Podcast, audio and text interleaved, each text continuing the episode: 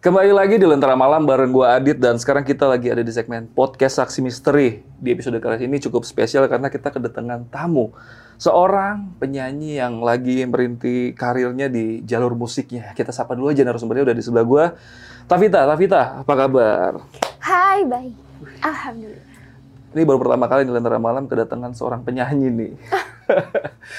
ini Tavita uh, sekarang lagi sibuk nyanyi aja tuh ada kegiatan lain nih? Iya iya iya. Sebenarnya sih sibuknya masih nyanyi, bikin lagu, terus kayak mm -hmm. lagi proses-proses bikin lagu baru gitu. Oh iya, iya. dan terakhir kemarin ngeluarin single kalau nggak salah judulnya Kuat ya? Iya benar. Gue sempet kepoin sedikit tuh di Instagramnya. Itu lagu tentang apa sih? Si Kuat ini itu tentang perempuan. Jadi kayak tentang kekuatan seorang perempuan dengan caranya masing-masing kuat kayak gitu. Oh iya. iya. Memang emang dedikasinya untuk perempuan-perempuan. Cuman ada juga cowok-cowok yang dengerin. Iya iya. Untuk iya. ibunya, untuk kakaknya. Gitu. Ya, berarti ini agak sedikit feminis mungkin ya lagunya, ya, lirik-liriknya ya. Support perempuan. Iya iya. Tapi kan di sini eh, Tavita kita undang bukan untuk nyanyi di sini. Dia mau berbagi cerita.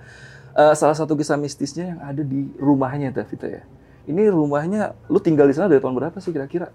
Pokoknya tuh gue tinggal di sana itu waktu kecil, waktu gue masih 6 SD tuh mungkin umur berapa sih 6 SD biasanya? Pokoknya gue ingat banget di situ gue menginjak tuh di 6 SD mm-hmm. jadi emang pindahnya itu pun ngebangun. Jadi bukan pindah dalam rumah yang udah ada dan utuh. Yeah. tapi memang ke sana itu dibangun gitu. Jadi dulunya tuh tanah. Gue juga ngeliat banget bangunnya gitu-gitu. Mm-hmm. dan emang di sana pun situasinya tuh kawasan baru waktu gue kelas 6 SD itu. Mm-hmm. jadi kawasan baru terus emang jarang ada rumah gitu Oh. Jadi memang sendiri, sendiri, sendiri gitu rumahnya tuh gitu. Iya. Yeah. Sendiri, sendiri, sendiri, sendiri. Boleh di-spill nggak sih ini di daerah mana perumahannya? Enggak. Langsung enggak ya, takut disamperin ke rumahnya ya. Lebih ketakut ya kalau disamperin. Iya, iya, iya, iya. Pokoknya ada, ya tapi nggak terlalu jauh dari Jakarta lah ya, ya. Iyalah, sekitaran enggak. lah gitu. Cuman, iya. tapi itu tahun 2000-an ke atas atau 2000-an ke bawah sih? Kayak 2000, 2000, 2000 awal. 2000 awal, 2000, 2000 awal. awal ya? Iya. Dan daerah situ kemungkinan masih agak jarang-jarang dan lu sendiri pun itu tanah benar-benar tanah kosong atau renovasi tanah rumah yang udah rusak gitu? Tanah kosong. Tanah kosong. Dan benar-benar di tanah itu uh, rumah gue pun di ujung. Jadi hmm. emang kayak kanan kiri tuh kosong. Iya iya. Benar-benar ya, ya. emang cuman sendirian di situ waktu ngebangun. Oke oke ya ya. Jadi buat kalian yang penasaran sama cerita dari Tavita ini, kalian bisa simak videonya sampai habis. Tapi sebelum itu gue mau infoin dulu nih buat kalian yang pengen jadi narasumber seperti Tavita yang ada di sebelah gue, kalian bisa langsung aja DM ke Instagram Lentera Malam. Itu ada di lentaramalam.id. Kalian bisa langsung DM aja nanti bakal diarahin sama adminnya Lentera Malam. Oke, Tavita udah siap nih buat cerita malam ini. Yes. Oke langsung kita sikat aja. Gak usah lama-lama lagi sebelum kita dengar ceritanya. Kalian tonton dulu yang satu ini.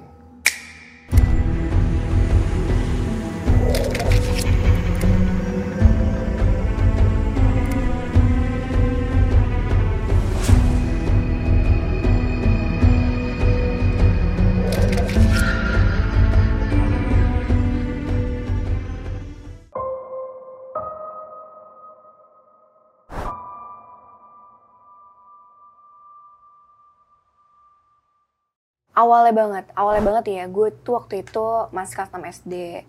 Terus gue pas pindah ke sana, itu tuh masih bener-bener tanah, terus kayak nggak ada nggak ada rumah sama sekali. Gue inget banget tetangga gue tuh cuman dua, dua, dua. Tapi itu itu pun beda tanah, maksudnya kayak dia kan kayak tanah sendiri, depan tuh taman dikit, terus tanah lagi kayak gitu. Nah depannya juga nggak deketan kayak cuman depan, terus sebelah kiri gitu, kalau nggak mm -hmm. salah yang gue lihat waktu kecil tuh. Nah dari awal sebenarnya gue nggak masih karena masih kecil, jadi gue nggak tahu tuh itu rumah gimana rasanya atau menakutkan atau apa. Awal gue pindah masih kelas 6 SD menuju naik kelas S1 SMP. Jadi kayak 6 SD lagi liburan menuju kelas SMP. Nah, pas mulai SMP, di situ tuh gue ngerasa kayak udah mulai banyak sesuatu yang gue bisa bilang kayak, ih takut deh. Udah mulai bisa ngerasain ih takut banget ini ada apa sih nih rumah iya, gitu. Yeah, yeah. Itu SMP. Jadi waktu pertama itu yang pertama kali gue inget kejadian itu tuh suara-suara jalan. Kalau misalnya sekarang gue melihat ke belakang itu standar banget mm -hmm. dibanding ekstrim-ekstrim yang lain gitu. Tapi yeah. waktu itu um, jalan-jalan di atap gitu. Jadi kalau misalnya gue lagi duduk di lagi nonton TV gitu, itu pasti kayak ada suara jalan yang duk duk duduk kayak gitu. Antara kayak lari atau kayak jalan pelan tapi kencang banget. Kita semua tuh mikirnya itu pasti kan kalau nggak tikus kucing Iya, ya iya, semacam semacam itu. Nah tapi kok sering banget. Dan awalnya kita dari yang mengira-ngira ini, duh ini kayaknya hantu atau apa, sampai kita mikir saking kita juga nggak pernah melihat apa pun pada saat itu, cuma mendengar suara, kita mikirnya itu hewan gitu ya. Nah itu itu yang pertama. Terus nggak lama dari jalan-jalan di atap, nggak lama dia kedengeran di tangga Di tangga. di tangga. Udah mulai tuh di tangga ada suara jalan. Nah, sebenarnya yang kalau di tangga itu dari sisi gue dan nyokap dan yang lain tuh nggak nggak ngedengar gitu. Tapi yang ngedengar tuh Mbak kebetulan di situ. Hmm. Nah, Mbak Mbak ini tuh pindahan dari rumah yang lama. Jadi dia emang Mbak yang lama dari rumah sebelumnya, terus ikut pindah juga ke situ dan di sana dia pertama kali denger tuh suara jalan lagi ngepel. Semacam kayak denger ada yang jalan, ada yang tutup pintu, ya semacam bunyi-bunyi aja masih bunyi-bunyi. Sampai akhirnya gue yang ngerasain. Bener-bener eh, hal yang pertama kali di umur segitu untuk bener-bener ngelihat hal yang kayak nggak mungkin terjadi deh gitu.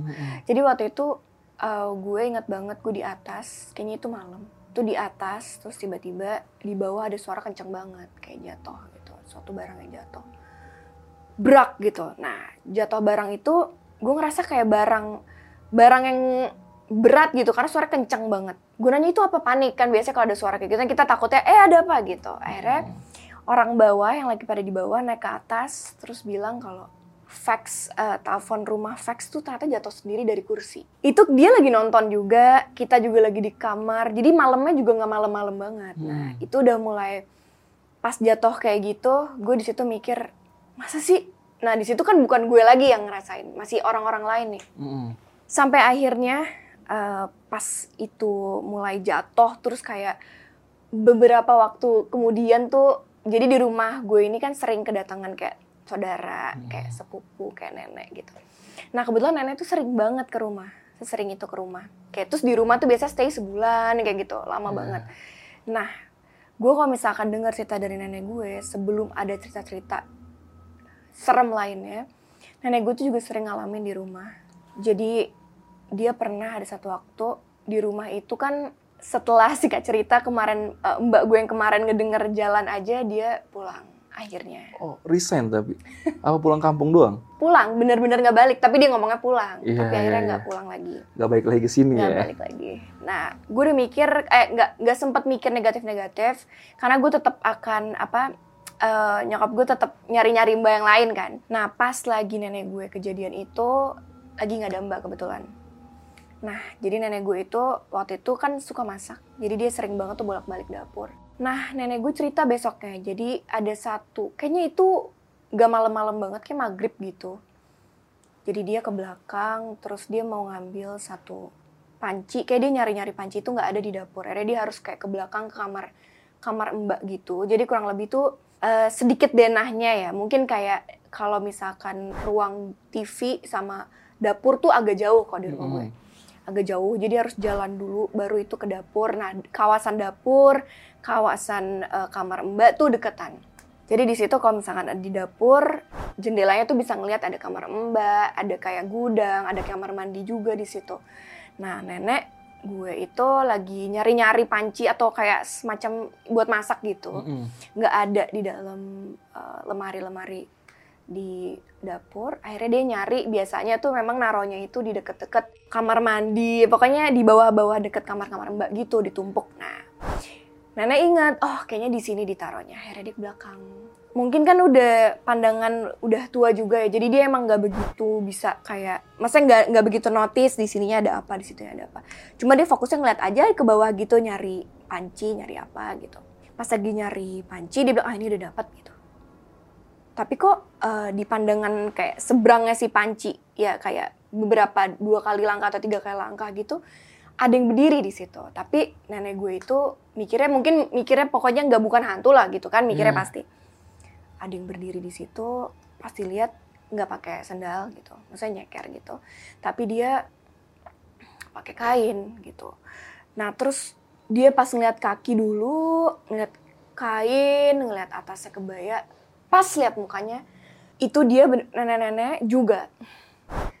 Sama mungkin. Tapi Tapi rambutnya itu di ya dicepol. Kebetulan nenek gue nggak secepol itu sih biasa aja. Tapi kalau nenek-nenek itu sesosok nenek-nenek yang mungkin kayak nenek-nenek jadul banget Mm-mm. yang memang masih dicepol, masih pakai kebaya kutu baru dan di situ sambil kayak entah nyengir atau apa tapi kata nenek gue itu nenek gue ngeliat lidahnya dia keluar sam kayak matanya tuh kayak kayak cepet gitu lidah keluar dan matanya melotot nenek gue langsung prang nggak sedikit kayak gerasak gerusuk jadi langsung ke belakang. Nah di situ nggak ada orang kebetulan. Jadi nenek gue ceritanya besoknya. Di rumah lagi nggak ada orang sama sekali. harusnya kayaknya nggak ada. Mungkin di luar ya tapi di dalam rumah itu nggak ada orang kayaknya Iya, iya, iya, iya. dan di situ nenek gue benar-benar kayak nenek gue sesensitif. Itu sih maksudnya mungkin karena udah tua juga Mhm, gitu mhm. loh jadi kan kayak ngerasa gila kok bisa kayak segamblang itu. Nah akhirnya pas besoknya dicerita sama gue kayak gitu. Mhm. nenek gue seserem itu sih kalau misalnya ngelihat ngelihat di rumah. Sampai fisiknya jelas dilihat depan jelas. mukanya dia ya. jelas banget. Dan setelah itu abis nenek gue ini nggak lama mbak ini udah mulai berganti-gantian nih. Ada yang datang tapi juga emang nggak ngelihat juga ada. Ada juga tapi dari mungkin dari delapan mungkin hampir tujuhnya yang ngelihat. Dan tujuh tujuhnya juga pulang gitu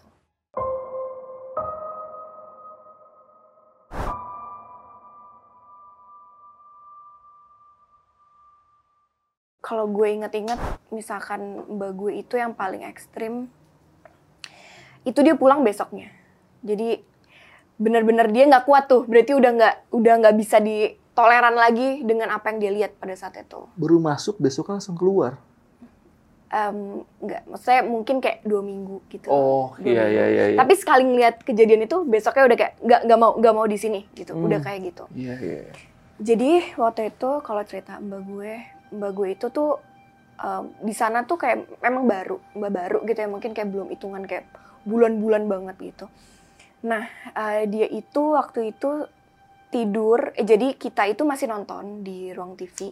Nah ruang TV itu belakangnya sofa-sofa itu pintu-pintu kaca. Jadi gue dari situ bisa ngelihat mbak gue tuh berdiri mau jalan ke dapur tuh bisa kayak kelihatan. Nah pintu-pintu kaca itu uh, gue inget nih mbak gue nih masih lampunya masih agak nyala terus gue juga masih nonton jadi gue mikir kayak dia belum begitu tidur. Nah besoknya itu dia cerita tapi pas udah pulang. Jadi waktu itu besoknya dia cerita nyokap gue itu lagi kerja jadi mau nggak mau dia pamitnya lewat chat atau gimana nya.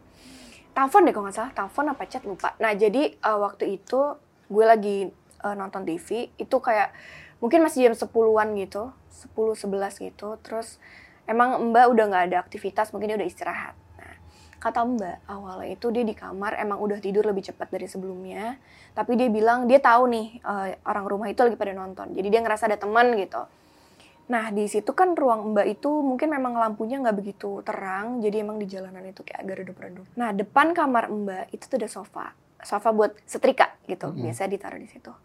Nah Mbak gue ini pintunya tuh kebuka sedikit, jadi nggak emang nggak rapat ditu, apa ditutupnya. Jadi dia kayak sambil tiduran, tidurnya dia ngadep ke pintu yang kebuka itu, terus dia sambil kayak ya mungkin nyari-nyari ngantuk gitu ya. Nah tiba-tiba ada yang ada suara di depan depan kamarnya dia, ada yang kayak srek, srek, kayak bunyi kain gitu. Iya. bunyi kayak srek srek gitu kan. Terus em, mbak mikir siapa? Tapi pas ngelihat kayak nggak ada ada dia ada dia make sure dia buka mungkin pintunya ada ibu gitu. Dia ngerasa kayak ada ibu. Nah karena kan mikirnya kan kayak gue sama yang lain kan lagi nonton. Jadi mikir kayak mungkin dia ke belakang gitu. Terus kayak ada ibu ada dia buka. Dia jadi tuh sofanya emang nggak persis depan. Jadi kayak ada nyerong sedikit. Jadi dia mungkin kalau mau ke sofa tuh harus keluar kamar jalan sedikit.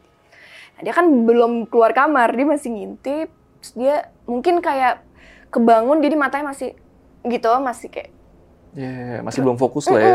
Jadi kayak masih nyerna nyerna pas dibuka dia bilang bu bu gitu terus eh, dia tetap kayak kata mbak sih dia lagi megang kayak dia nggak belum jelas jadi megang sesuatu yang kayak kayak lagi kesel gitu kayak lagi "Ah, ah," kayak gitu.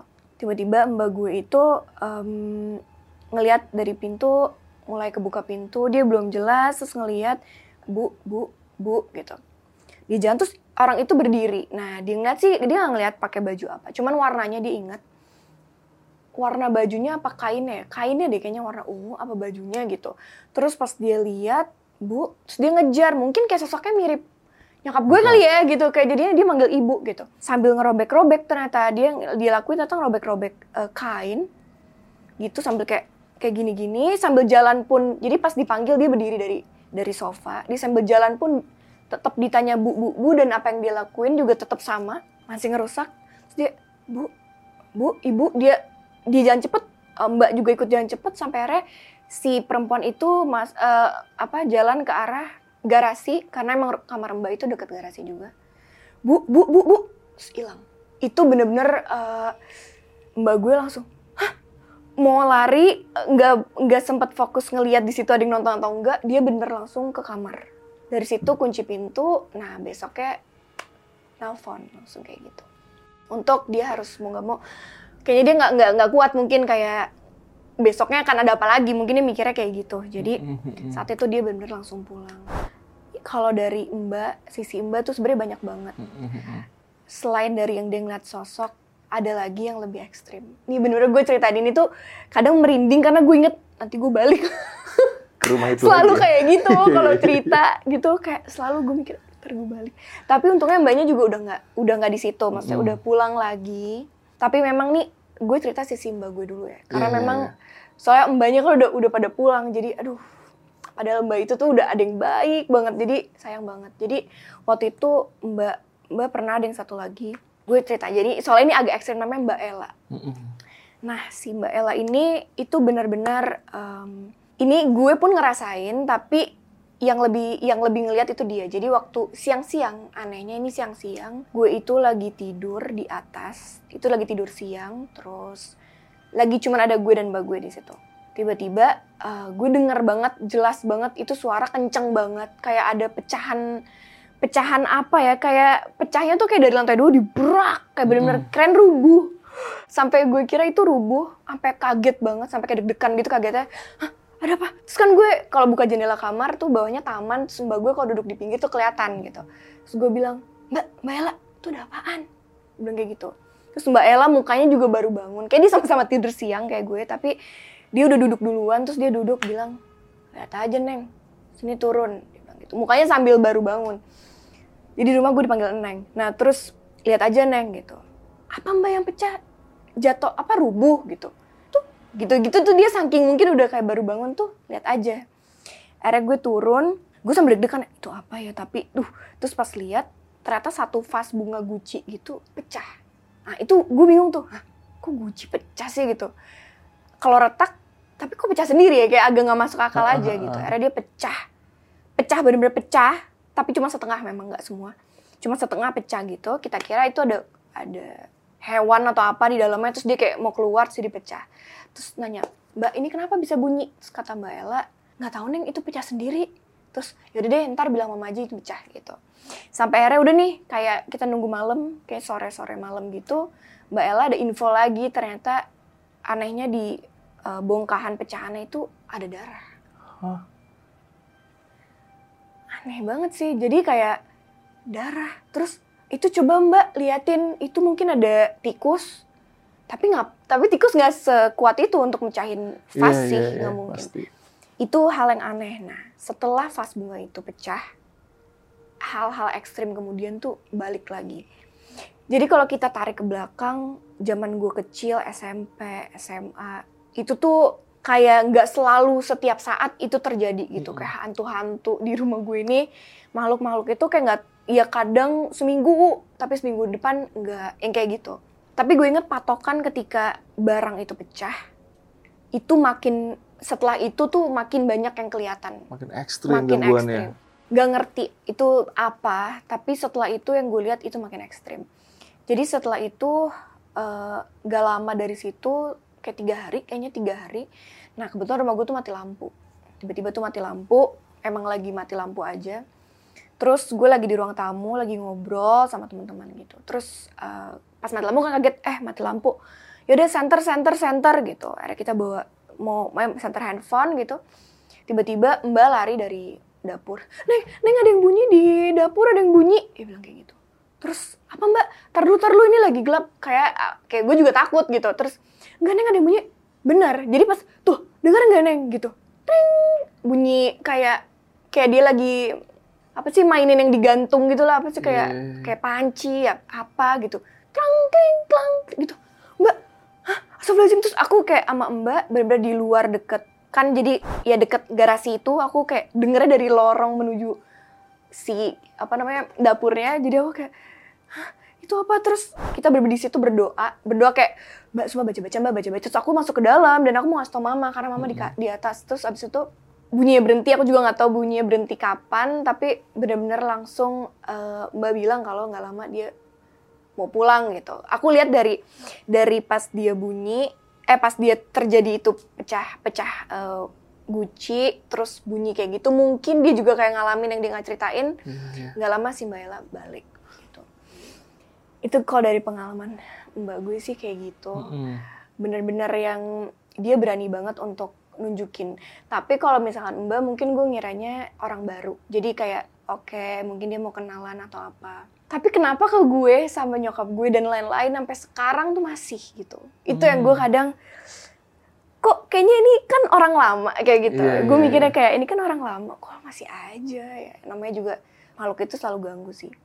Cuman jadi selain cerita itu gue jadi inget waktu gue yang paling ekstrim tuh kayak ada banyak banget hal.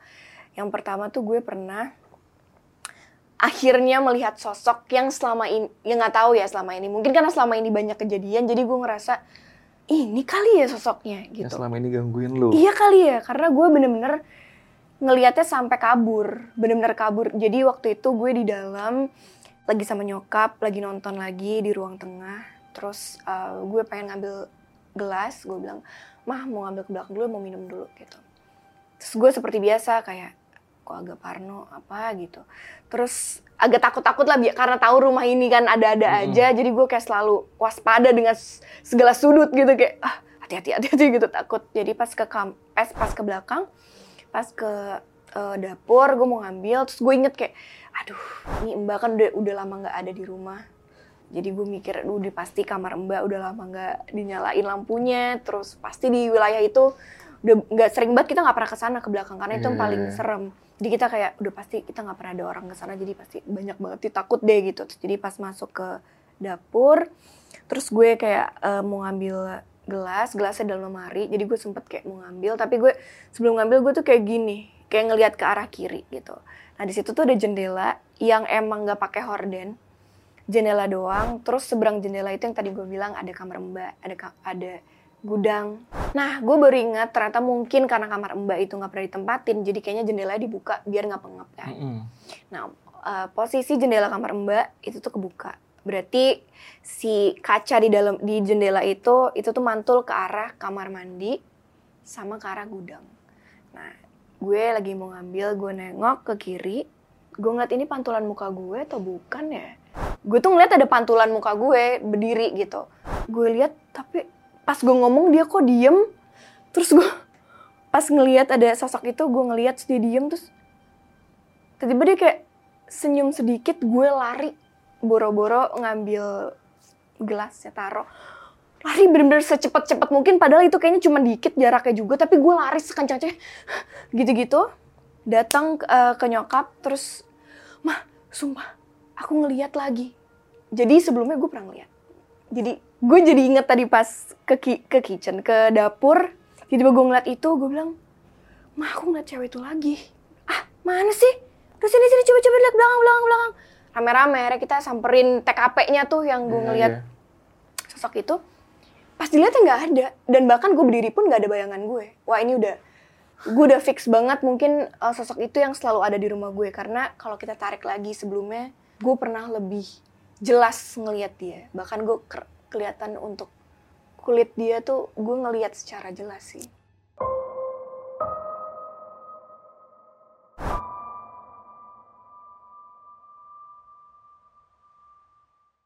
Jadi waktu itu tetap di dalam situasi yang belum ada mbak, masih kosong. Jadi kalau gue datang ke rumah, gue tuh kalau misalnya agak telat datang suka lupa nyalain lampu. Jadi datang terus ya gue kan nyuci baju sendiri, terus gue jemur baju sendiri. Jadi pas gue gue inget, aduh ada baju gue di jemuran tuh gitu. Jadi pas gue nyampe, mah tungguin bentar dong aku mau ngambil jemuran kayak mau hujan. Gitu. Terus yaudah cepet cepet cepet. Ya nyokap gue tuh selalu tahu kayak, aduh ini pasti orang ketakutan gitu. Nah terus um, akhirnya kita lewat pintu belakang untuk langsung ke taman, jemuran di taman. Dan sit, eh, apa denah si taman itu sebelah kirinya itu apa ya kayak tembok bolong-bolong. Nah bolongan itu bisa ngelihat kamar mbak. Hmm. gudang yang tadi gue ceritain. Jadi ngeliatnya dari situ. Jadi abis itu gue eh, bilang mah bentar ya eh, mau ngambil jemuran dulu. Mama tunggu sini. Kan ini gelap kok aku jadi takut. Terus ya udah cepet gitu. Akhirnya aku pelan akhirnya gue pelan pelan jalan ke taman. Gue udah tetep tetep selalu kayak aduh kenapa ya? Kalau ada satu sisi yang gelap gitu. Tuh kayak Iya. pengen lihat tapi aduh deg-degan nih males banget nih sampai kelihatan lagi. Duh gitu. Tapi gue ya udah deh cuek terus belum dinyalain. Jadi emang kayak ini buruan baru nyalain gitu. Akhirnya gue jalan pelan terus gue kayak duh udah deh pengen banget lihat ke kiri gitu. Pas gue lihat ke kiri ada dia. Itu dia tuh cewek itu lagi. Cewek itu tuh bener-bener yang masalahnya gue ngeliat mungkin nggak bajunya tapi gue ngeliat cuman segini. Kayak hidung bibir lekukan senyumnya dia senyumnya tuh dan warna kulitnya tuh bukan warna kulit kayak gini kayak kayaknya lebih warnanya lebih lebih pale iya lebih ku- lebih kayak nggak tahu kayak nggak hidup gitu. iya Pucet banget gitu. Iya pucet parah. Terus dia senyum, senyumnya juga bukan hai tapi kayak ragu-ragu, senyum-senyum dingin gitu. Itu pertama seumur hidup gue ngelihat sejelas itu sih. Itu yang namanya mungkin bener ya kata orang kayak kalau orang bener-bener ngelihat itu secara langsung tuh pasti reaksinya tuh macam-macam. Ada yang sampai jatuh-jatuh gitu. Iya. Ternyata itu yang bener yang dirasain karena gue sampai teriak. Gue kira ada maling malah. Iya. karena bener-bener jelas itu mah orang gitu. Gue sampai bener-bener mah ada orang mah ada orang. Seteriak-teriak itu apa sih Vita Vita apa ternyata pas gue lagi ngambil jemuran nyokap gue tuh masuk ke dalam kamar. Eh masuk ke dalam rumah kayak dia ma- males nungguin. Jadi pas gue balik nggak ada orang gue makin panik. Mah ada orang mah ada orang ada orang. Vita kenapa sih? Gitu. Sumpah sumpah demi Allah ada orang sumpah ada orang sumpah kita harus cek. Nah terus emang bagian belakang tuh belum dinyalain. Jadi kita kayak yaudah nyalain dulu ya sambil dibawa center jadi kayak emang gue tuh semakin sekarang mungkin ya mm, tragedi ini tuh kayak selain makin ekstrim, terus gue juga makin penasaran nih sebenarnya tuh dulunya bekas apa sih? Mungkin kayak Ah, lama-lama iya, penasaran nggak sih kadang, tapi sampai sekarang gue juga nggak tahu sih itu bekas apa. Selebih selebih dari itu tuh kayak gue pernah nyium juga wangi di depan pintu rumah. Itu itu sering sih. Kalau itu sering sampai sekarang Wangi- itu wangi sering. kayak gimana tuh maksudnya? Jadi tuh wanginya macam-macam. Gue pernah eh, wangi kayak minyak minyak minyak apa ya? kayak Kemenyan bukan? mela, iya kayak se kayak aromaterapi yang Ah, ah, ah. bukan seger tapi aromaterapi yang kayak medok banget wanginya tuh wangi kuat banget. Itu gue pernah nyium itu. Gue juga pernah nyium melati wangi juga pernah. Cuman kalau melati antara takut tapi kayak kok wangi ya udah gitu. Mm-mm. Kalau gue mikirnya gitu, tapi kalau udah yang wangi agak nyenget, yang lumayan rempah-rempah, yang itu apa? Karena di depan pintu rumah gue pun itu cuma taman kosong, kayak Mm-mm. taman rumah gue sendiri dan nggak ada apa-apa. Jadi gue selalu pas mau masuk nyium wangi itu. Di kamar mandi juga sering banget nyium wangi bawang. Bawang. Bawang itu aneh banget. Bawang-bawang bawang yang sedangkan gue juga nggak suka bawang kebetulan. Tapi kok ada wangi bawang di sudut-sudut doang. Hmm. Itu aneh. Terus ada wangi eh, minyak tanah. Gue juga pernah nyium. Tapi sebelumnya gue nggak tahu ini wangi apa. Tapi kata nyokap gue ini minyak tanah, ini wangi minyak tanah. Itu selalu terjadi di maghrib. eh, dan itu kebanyakan kejadiannya itu di hari-hari. Kalau nggak Senin, Kamis, Jumat deh. Senin, Kamis, Jumat, Hmm. kadang Minggu. Jadi kayak saking hafalnya, harinya juga kayak hari apa nih mah? Senin, gitu. Hari apa nih mah? Kamis. Aduh, Kamis lagi. Jadi tuh gue selalu kayak gitu. Kalau nyium wangi-wangi kayak gitu. Kalau wangi-wangi kita lumayan sering suara suara-suara kayak manggil. Mungkin nih sekarang gue lagi mau cerita eh, kejadian-kejadian yang baru banget awal tahun ini sampai sekarang. Sampai dalam waktu beberapa minggu lalu. Ini tuh masalahnya kayak mm, awal tahun kemarin itu gue udah mengira kalau rumah gue ini udah aman. Entah kenapa, soalnya kan gue gue sholat sholat, kita ngaji ngaji, doa doa, tapi kadang nggak tahu ya, gue juga bingung kenapa selalu ada. Nah entah kenapa eh, pada saat terakhir tuh paling ekstrim itu gue itu em, yang ngelihat sosok itu, sosok perempuan itu, yang dari gue, dari sisi gue yang dari yang lain paling cuman suara jalan. Gue bukan ngomong paling, tapi karena itu ada yang lebih ekstrim. Iya, iya, iya. Ada yang suara jalan, suara ada kayak suara-suara apa tapi nggak ada apa-apa bahkan gue jadi ingat gue pernah lihat sisir gue gel sisir gue gerak sendiri tuh gue pernah lihat gue mikir kalau sisir udah pasti perempuan aduh itu kalau misalnya di kamar gue udah paling males kalau misalnya berbau-bau dengan sisir dengan itu tuh nggak mungkin laki-laki lah udah mas. Maksudnya Iya, secara iya, iya, ininya iya. gue udah mulai aduh kalau udah sisir. Jadi gue pernah lagi tidur udah mau kelelap terlelap gitu udah mau merem banget suara trrrk. jadi eh, di di lem- bawah lemari gue itu gue taruh memang ada satu kayak tempat untuk sisir doang kayak gitu. Dia gelondong satu sisir. Kayak ngeglinding gitu satu sisir terus gue langsung kayak dengan dengan bingungnya lagi mau tidur melek lagi seger lagi ngelihat itu jatuh sendiri gerak sendiri gue sampai mikir kok bisa ya dia gerak sendiri naro juga nggak salah karena tempatnya tuh dalam Dalam. dalam banget lah agak-agak Iya, kayak iya, iya. bengkok ke dalam gitu udah mikirnya oh mungkin gue salah naro mungkin gue salah naro kalau di kamar gue yang kejadian mungkin masih pergerakan-pergerakan aja Mm-mm. Kalau mungkin kalau sosok mungkin gue udah nggak mungkin bisa tidur di situ. Iya, iya. alhamdulillah. Dan sampai alhamdulillahnya masih memang kayak sisir. Tas uh, pouch makeup jatuh gitu aja. Iya, itu kalau pouch makeup lumayan berat. Kayak ada isinya soalnya. Jadi dia jatuhnya gede banget. Dan jarak antara meja rias dan gue itu tuh deketan sama kasur. Jadi kalau ada pergerakan di daerah meja rias gue tuh udah pasti kedengeran banget gitu Iya, iya. ini tinggal punchline-nya doang ya. Tavita tinggal ngeliat ada perempuan duduk di Nggak mau. Iya. soalnya bener-bener emang berbau ke arah situ kalau gue lihat Gue juga kenapa. mikirnya ke arah situ sih. parah Iya, tapi iya. alhamdulillah jangan sampai gue selalu berdoa sholat di situ jangan jangan nggak ada yang berani harusnya tapi itu kecolongan mungkin kayak sisir terus tas makeup itu jatuh sendiri terus em, yang paling paling ekstrim pergerakan ya bukan suara jadi gue punya vas bunga yang mungkin baru gue tata malam itu dua hari yang lalu setelah sebelum kejadian itu isinya tuh air juga sedikit taruhnya juga di tempat yang nyender sender ke tembok jadi nggak mungkin jatuh Aman dari mana-mana Aman. aja itu. jadi waktu itu gue memang ke Bandung, jadi mungkin dua hari gue nggak ganti air itu. Nah, jadi waktu itu ada darurat harus ke Bandung. Akhirnya gue balik, nah pas balik gue inget, aduh belum ganti air, tapi ya udah deh.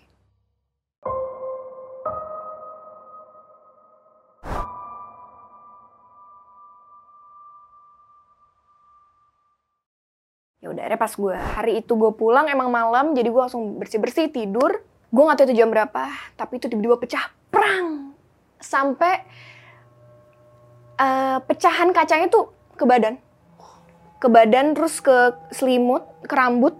Itu bener-bener untung banget, alhamdulillah nggak ke mana-mana ya, masuk ke mana gitu. Mhm. Tapi itu bener-bener kayak gue teriak kayak ada apa? Kayak lagi ada gempa bumi. Iya. Kayak bener-bener tiba-tiba barang pecah belah jatuh deket banget sama muka. Itu bener-bener udah sebel sih gue di situ kayak apa sih? Kayak lagi tidur kok. Kayak kenapa sih emang gitu? Bener-bener lagi tidur. Perang. Bener-bener gitu gue kayak "Hah? teriak mama sampai kayak gitu saking takut tapi terus nggak coba bentar dulu nafas bentar dulu sampai kayak ngeliatin jam berapa sekarang nyari HP pas lihat jam 3 gue kayak bangunin orang rumah nggak mungkin aduh gimana itu gue di situ merinding campur kayak wah ini nggak beres nih gue mikir kayak wah ini kayaknya nggak beres nih gitu Mhm. terus akhirnya gue rapiin sendiri segala macamnya gue mikir kayak kalau jatuh ini udah nggak mungkin ini pasti didorong pasti ini an pasti ini makhluk yang gue nggak tahu nih gitu Iya, iya.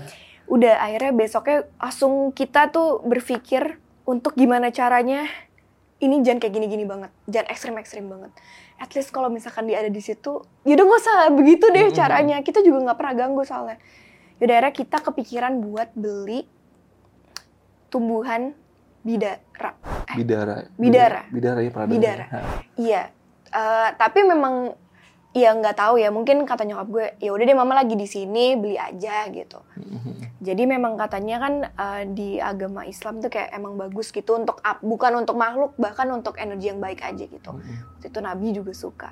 Jadi gue di situ mikir ya udahlah, toh juga kita nggak yang percaya dengan suatu jadi tumbuhan juga ya udah.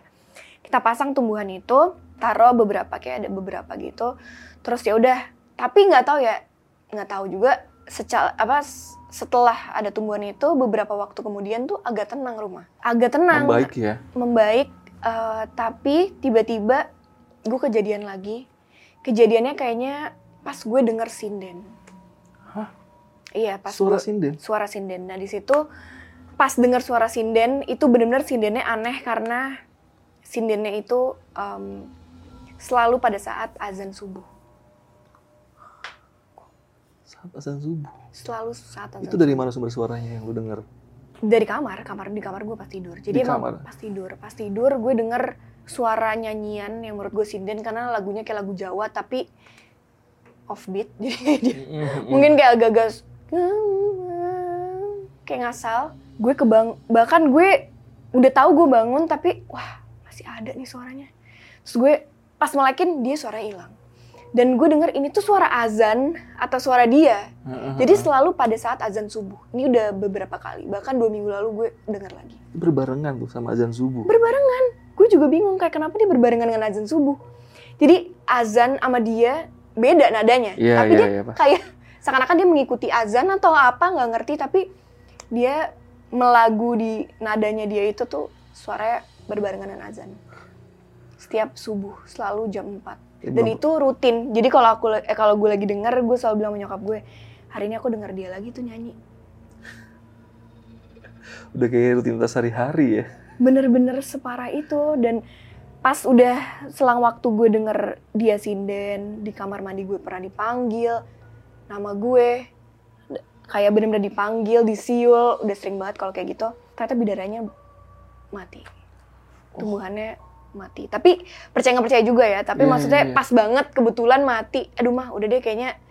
Ya udah kalau mau beli beli. Kalau enggak juga kita nggak usah kayak mikir-mikir untuk itu bidara Hmm. akan gimana. Tapi efeknya ternyata sampai sekarang gitu. Iya, nggak nggak iya, iya. berubah-berubah gitu Nah ini kan nyokap salah satu saksi hidup yang sering berdampingan sama lu lah ya.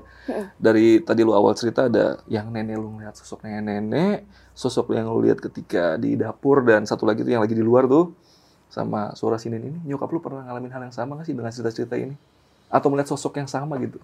kalau misalkan mimpi tapi gue nggak tahu ya kalau kadang mimpi tapi anehnya gue menyokap gue itu mimpinya sama Hah? tapi mungkin nggak tahu ini relate dengan rumah atau enggak Hah, Cuman gimana? mungkin kronologi si pada saat gue di situ sama nyokap banyak kejadian dan lain-lain. em, nyokap gue pernah mimpi hal yang sama. Kita berdua sama-sama melihat sosok perempuan itu yang sama, persis, pakai baju sama dan bener-bener sama. Makanya jadi gue tuh gue tuh suka mimpi juga. Setiap hari mimpi aja gitu ada aja mimpi mimpi mimpi dan bahkan mimpi-mimpinya tuh kadang relate dengan rumah, relate dengan yang pernah tinggal di rumah, relate yang pernah dibunuh hidup-hidup di rumah. Mimpinya tuh aneh-aneh. Nah, gue tuh hobi banget cerita ke nyokap. Jadi kalau pagi-pagi selalu kayak, mah, aku hari ini mimpi nih, mimpi ini, mimpi ini. Nah, jadi satu waktu mimpi itu, mama juga mimpi. Nah, dia gitu. Mimpi satu sosok pakai baju, pakai berkerudung, Heeh. tapi jubah nggak ngeliat. Gue sih nggak ngeliat tangannya, nggak ngeliat kakinya, cuma ngeliat dia dengan jubahnya hitam itu, matanya segede ini. Kayak ya menurut gue kalau jin matanya aneh sih pasti. Iya, iya. Terus kayak matanya gede banget daripada semua mukanya. Jadi emang dia matanya Besar. gede banget. Terus itu doang yang kita lihat sama-sama dan kita banyak yang salam sama dia nggak jelas itu. Tapi gue sama nyokap gue ngelihat bener-bener ibu-ibu yang sama. Kayak ibu-ibu tua yang sama. Dan itu kita mikirnya karena rumah kita ada Mm-mm. serem atau agak horor. Jadi kita mikir, aduh apa itu yang di rumah ya? Apa itu yang ini ya? Pasti mikirnya kayak gitu karena di rumah tuh kayak teka-teki terus sampai hari ini. Iya, iya, Kita nggak iya. pernah tahu ada apa, bekas apa, tanah apa. Sampai sekarang bahkan mungkin beberapa hari lalu gue disiul, ada yang manggil, sinden lagi, terus bahkan waktu itu pernah hujan-hujan ada yang coba buka pintu. Tapi bukan pintu kamar, jangan Ah. sampai. Mungkin kayak pintu di bawah gitu. Jadi waktu hujan-hujan lagi gede-gedenya, gue ngeliat hujan lagi gede, gue mau ke atas tiba-tiba ada pin- pintu di arah ke taman. Kayak cik, ya namanya ngacir, ngacir lari sekenceng-kencengnya gimana caranya udah sampai atas dalam waktu per detik kalau bisa. Gue lari ke tangga bener-bener kayak sampai sampai kayak gitu. Serem banget kalau kalau bener-bener kadang tuh kita nggak expect ya dia muncul kapan. Jadi Iya, iya. tegang banget kalau di rumah kadang-kadang. Kalau lagi cuek-cuek, tapi kalau lagi takut, gue nya pun setakut itu. Ini kan rumah lu serem banget nih Tavita. Lumayan sih. Ini lo ada rencana buat jual nggak nih? Lagi banyak yang nonton. Nggak ya, nggak ya. Enggak ya. Karena itu dari kecil, jadi makanya mungkin gue ada ada kayak perasaan, aduh gimana, tapi perasaan juga kayak, "Eh, tapi gue dari kecil di sini, jadi kayak Iya, iya. harusnya bareng-bareng aja nggak apa-apa ngedeh, tapi jangan sampai kayak gitu gitu. Iya, iya, iya. Nah ini kan, ya menurut gue ini cukup ekstrim lah kejadian-kejadian yang dialami di rumah lo nggak cuma lu doang karena sampai pembantu-pembantu pun itu mengakibatkan lu kesulitan ya dapat eh, mbak baru ya untuk kerja di situ dan bertahan agak lama ya. Bener. Nah lu pernah nggak sih eh, kepikiran untuk melakukan ngelakuin kayak hal-hal pembersihan atau ada pengajian besar-besaran di rumah atau ngelakuin apa gitu pernah nggak sih? Gue tuh dulu ingat pernah sih pertama kali biasanya pertama kali rumah baru kali ya. Ha-ha. Biasanya ada pengajian itu Selamatan pernah. gitu ya? Selamatan kayak ya kayak ngaji di sudut-sudut kayak segala macam. Kayaknya pernah ya, mungkin tapi nggak disengaja untuk kayak ngebersihin rumah nggak. Kebetulan emang ada temen dari bokap gitu, terus kayak datang, terus kayak dia bilang kalau doain aja gitu rumahnya Hmm. banyak-banyak sholat segala macam. Cuman paling dititip pesan-pesan kayak gitu udah kita lakuin sih pasti kan tiap Iya, hari lima iya. waktu. Cuman kadang gue nggak tahu apa itu jalannya ya. Maksudnya jalannya buk jalan emang jalan apa namanya emang akses Iya, iya. iya. ada kan mungkin yang kayak Ada, gitu ada. Nah, Jalan posisi menuju- rumah lu ini kayak tusuk sate atau enggak gitu? nggak di ujung Biasa. Hook gitu. ujung hook gitu. Mm-mm. oh dan yang paling lucunya lagi lucu dan serem maksudnya Mm-mm. karena kan di situ tuh em, ada satpam yang memang deket banget sama keluarga gue Ha-ha, ha-ha. satpam di komplek itu namanya Pak Roni. Jadi dia itu em, tahu dari gue pindah dari zaman kecil sampai sekarang tuh dia memang masih ada. Jadi dia tahu pergerakan-pergerakan atau kayak ada sesuatu di setiap rumah-rumah yang ada di komplek itu gitu. Pasti dia ngeh. Nah karena dia dititipin selalu em, sama keluarga gue untuk kayak jagain rumah ya jagain rumah. Jadi kalaupun kita misalkan keluar kota, biasanya selalu dititip sama Pak Roni. Nah biasanya Pak Roni itu suka keliling-keliling gitu kan. Nah pas keliling-keliling dia entah dia lupa atau gimana dia ingetnya gue tuh di rumah padahal gue tuh di Bandung itu lagi lebaran Mm-mm. lagi iya lagi lebaran-lebaran gitu. Pas lagi liburan lebaran terus tiba-tiba Pak Roni ngeliat kalau di rumah gue itu di balkon gue itu ada perempuan yang lewat gitu lewat. Bukan lewat serem tapi memang kayak ada ada kehidupan di dalam gitu kayak ada orang. Dia mikir oh ya yang ini yang di dalam masih berarti dia masih oh ya lagi ngecek-ngecek aja oh ada orang. Nggak lama beberapa hari gue balik dari Jakarta eh, dari dari Bandung ke Jakarta terus gue buka pintu kaca pak yo pak. Gitu kan pas masuk ke komplek. Eh bu bu bu bu sebentar bu bu bu. Gitu. Ah kenapa? Terus kita buka kaca semua. Kenapa pak? Nanti di sana aja bu. Jadi dia ngikut pakai motor ikut ke depan rumah eh, dia cerita. Nah dia bilang saya kira kemarin ibu nggak oh ibu tuh ke Bandung. Aduh saya lupa. Dia bilang saya ngelihat ada ini bu di atas. Takutnya orang mikirnya gitu. Gak mungkin dia kan ini gelap. Dinyalain cuma luar-luarnya doang. Saya jadi bahkan eh, pas satpam di komplek gue pun udah tahu Iya, rumah iya, gue iya. ini emang terlihat seperti itu gitu bahkan tetangga gue lebih serem katanya dibanding tragedi rumah gue katanya tapi tapi gue cuma dengar satu cerita Ha-ha. mbak-mbak yang mbak yang ada di dalam rumah itu bahkan keluarganya itu sampai pergi Sampai keluarga sampai pergi. keluar itu gue gue kira dia cuma pindahan tapi pas gue liat pindahan gak balik-balik lagi jadi pindahan tiba-tiba gitu. Jadi gue ngeliat eh, pokoknya kayaknya di pindahan itu pas gue SMA mungkin kayaknya. Jadi bener langsung pindahan hilang aja. Nggak ada orang sama sekali nggak lama ada tulisan dijual. Gue kayak kenapa nih? Nah mungkin eh, mbak-mbak sebelum eh waktu gue masih ada mbak sering cerita-cerita mungkin sama Iya, mbak gue iya, itu. iya. gue inget mbak gue yang lama itu bilang kalau di depan tuh suara nangis setiap hari. Jadi sampai bener-bener udah ngeganggu satu rumah gitu. Hampir setiap hari Setiap suara hari. tangisan. setiap hari itu serem banget sih Iya, kalau iya, menurut gue iya. kayak di rumah mana ada yang tahan kalau ada suara tangisan Iya, nyari iya. di mana nggak kelihatan Astagfirullahaladzim. gue sampai mbak itu sampai bener-bener saya sih mendingan coba pergi aja dia dia pas pulang itu kayaknya udah sempet temenan sama mbak gue yang lama jadi dia cerita mm, mm, soal tetangga gue itu Dan itu sampai sekeluarga pindah semua. pindah akhirnya dijual dan update sekarang itu udah dibeli tapi paling serem lagi komplek gue tuh baru ditaruh CCTV Ha-ha. di setiap ujung tuh lorong ini lorong itu lorong ini lorong itu. Setiap eh, kayak jalanan. Nah gue dapat update juga dari Pak Roni yang dan satpam-satpam lain. Banyaknya kan kalau CCTV mungkin nangkep ya kayak ha, ha. entah ya asap putih. Pak Roni dan semua satpam yang ada di situ udah biasa. Ternyata kalau misalkan di sekitar kita itu emang banyak yang kayak sosok yang gitu. Dan keluarnya dari tetangga depan gue itu. Di rumah yang ada tangisan itu. Tapi dia udah kejual alhamdulillah. Cuman ya mau, mau gimana? Mungkin tuh rumahnya kan kosong lama bertahun-tahun Iya, iya. tuh. Jadi mungkin ya mungkin aja kalau di situ ada sesuatu. Cuman emang katanya setiap jam 10 malam dia udah mulai asap itu keluar. Mm-mm. Di CCTV udah biasa. Sampai akhirnya jam 4 pagi dia masuk lagi ke dalam. Gue sampai mikir ini tanah bekas apa ya satu bener satu komplek itu. Iya, iya. Soalnya emang seserem itu.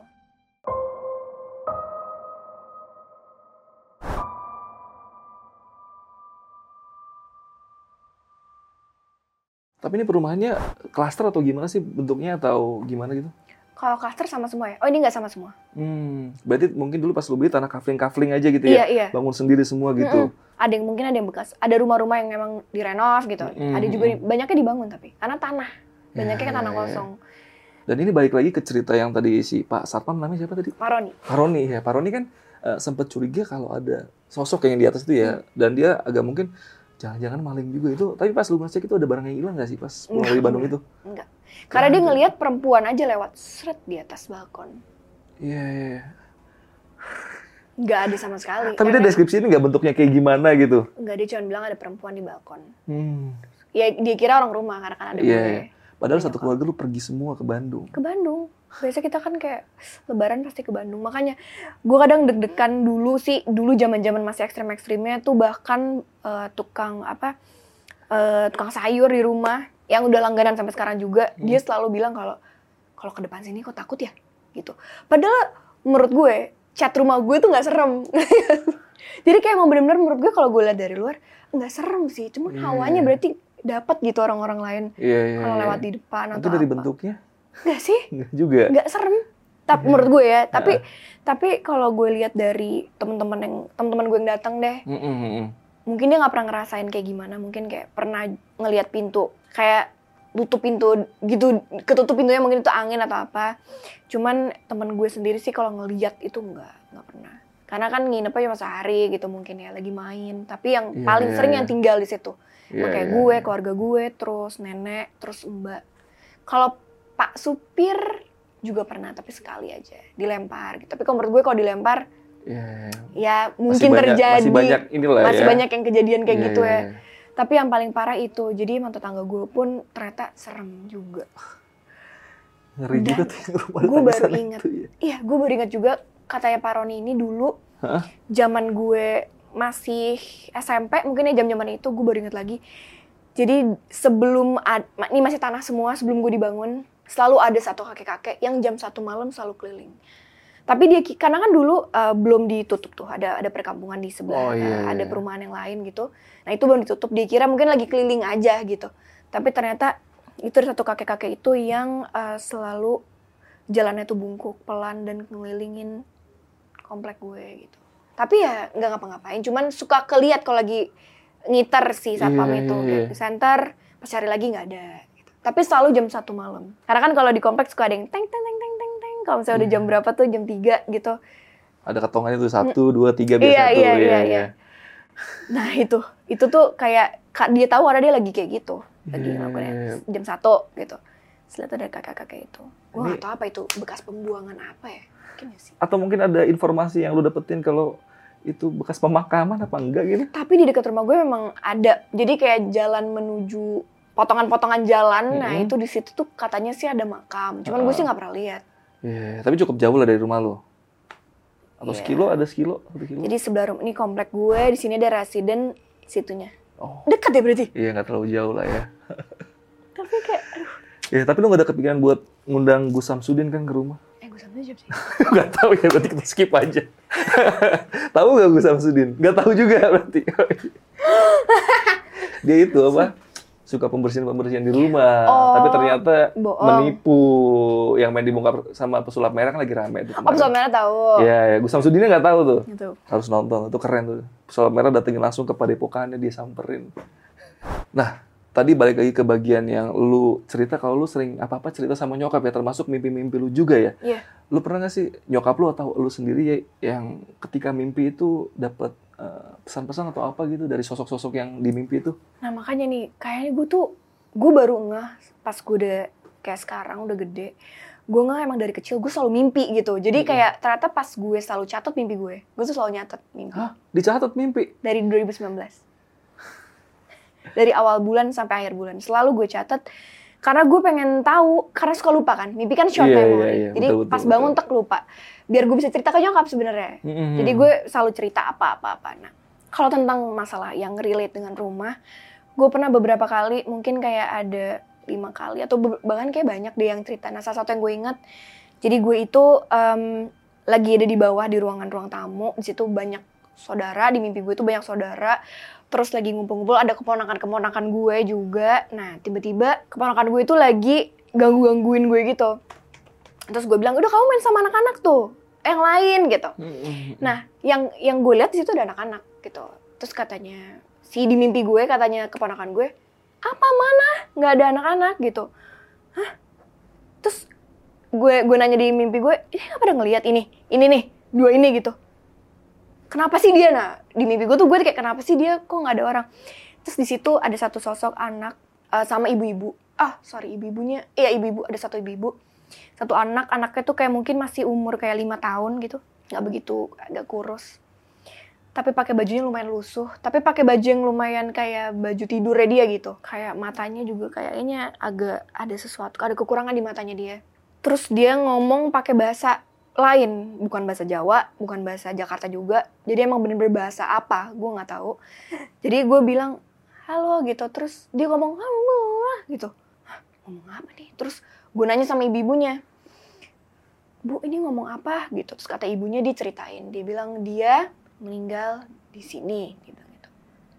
Di sini bu? Oh di sini di rumah ini. Eh bukan eh, di komplek ini gue bilang gitu. Enggak di sini tanah ini dikubur hidup-hidup di sini gue gini hah terus nggak lama gue bangun langsung gue cerita sama nyokap nah di situ gue mikir apa iya ya jangan-jangan Ih gue merinding Iya, iya, iya. Iya karena itu itu real banget sih di situ. Ibu-ibunya gue masih inget, muka anak-anaknya juga gue masih inget. Persis ngomong kayak gitu. Itu satu. Yang kedua ada lagi em, gue nemuin mayat di mimpi gue ya ini mimpi lo mimpi lo guys. Mm-mm. takut oke beneran takut banget. Jadi gue nemu mayat. nggak pertama gue sama abang gue itu di mimpi lagi mau ah, lagi udah masuk komplek tiba-tiba di trotoar gue nemu satu tas satu tas atau plastik tas kayaknya tas terus kita bawa pulang tas itu Eh, gue berpikir di situ di mimpi gue jangan bang itu nanti bom gitu terus tapi akhirnya kita bawa ke depan kamar mandi pas kita buka ternyata itu mayat yang udah di plastik gitu yang udah diginiin udah nempel kayak kayak udah nempel kulit kulit dia tuh kayak udah nempel di plastik kayak basah gitu juga. Mayatnya basah. Terus basah terus bang ini gimana? Di mimpi gue tuh gitu. Bang ini gimana bang? Kita harus lapor polisi di mimpi gue. Terus uh, abang gue bilang udah udah jangan udah kita diemin aja dulu. Terus kita buka aja uh, plastik-plastiknya gitu. Ih jangan bang ngeri ngeri ngeri. Terus gue udah berpikir aduh gimana cara gue lapor polisi lapor polisi. Nah tiba-tiba uh, situasinya tuh di situ gue lagi kayak acara keluarga karena banyak keluarga gue di situ. Tiba-tiba sosok itu berdiri cewek itu berdiri gue ngelihat jelas banget dia bilang terima kasih sama gue. Tangannya dia bener-bener udah keriput kayak kerendam air kuku-kukunya itu penuh kayak tanah terus ada kayak rumput-rumput. Nah kayak gue kebayangnya gue kebayangnya itu di rumput sih rumput yang basah gitu atau ketenggelam bisa jadi sih tenggelam. Jadi dia uninya juga udah biru-biru kayak putih-putih biru gitu keriput-keriput gitu. Terus gue nggak ngeliat mukanya tapi gue ngeliat dia dari jauh baju dia kayak baju Belanda zaman dulu gitu tapi udah lepek udah basah gitu jadi dia udah nempel sama kulitnya gitu. Rambutnya agak ikel segini terus ini juga lepek gitu gara-gara basah. Terus gue ngeliat mukanya tapi dia gini-gini ke gue makasih gitu udah ditemuin. Terus gue pas ngeliat gini dia megang kan di depan sini berarti tangannya. Itu dingin banget. Gue gue di mimpi bener-bener kayak pas bangun gue pertama kali kalau memang itu beneran gue pertama kali megang tangan hantu. Gue udah kayak astagfirullahaladzim. Bener-bener di ujungan gue makasih iya iya. Gue sampai nggak berani saking ininya bener-bener kasihan banget kalau gue mikir kayak gitu. Mm-mm. banyak banget bahkan ada yang gue pernah kasih ma bukan kasih makan tapi mimpi gue tuh kayak ada yang kelaparan datang sosok cewek kurus banget ngetok-ngetok kamar eh ngetok-ngetok rumah gue mimpi gue gitu dia kurus banget pucet pas gue bangun gue yakin banget itu hantu pasti. Tapi gue kasih makan kayak mau makan mau makan iya iya oke gitu di mimpi gue tuh Terus jadi kayak banyak banget yang gue tolong Iya, di mimpi gue. Nah, gue balik lagi penasaran sama yang tadi tuh yang lu mimpi nemuin mayat tadi ya. Hmm. Kan dia sempat ngucapin kayak terima kasih sama lu ya, karena ditemukan di tas itu ya. Tapi lu pas bangun lu sempat flashback gak sih? Ini mungkin ada kaitannya dengan eh, kejadian nyata gue pas di alam sadar itu. Lu habis ngelakuin apa sehingga ada suatu makhluk yang terima kasih sama lu gitu? Enggak. Enggak.